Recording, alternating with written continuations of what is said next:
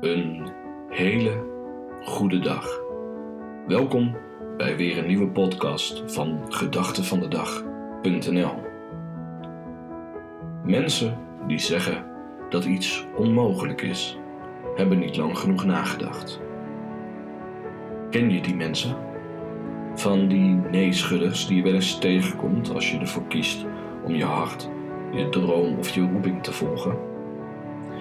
Het is echt ongelooflijk hoeveel van dit soort mensen er rondlopen.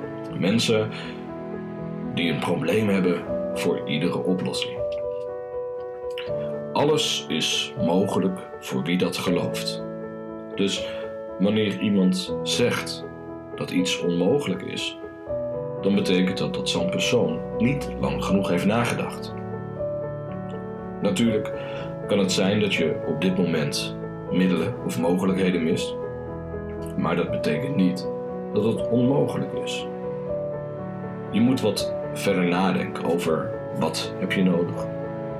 Waar kan ik het krijgen? Wie kan ik daarover aanspreken? Kijk om je heen. Zijn er mensen geweest die iets soortgelijks gedaan hebben? Bijvoorbeeld, je zoekt een droombaan. Zijn er mensen in de wereld of in de plek waar jij woont, die een droombaan hebben? Zo ja, dan betekent dat dat mensen een droombaan kunnen krijgen en dat geldt ook voor jou. Als je iets wilt, dan vind je een weg. Maar wanneer je het niet wilt, vind je excuses.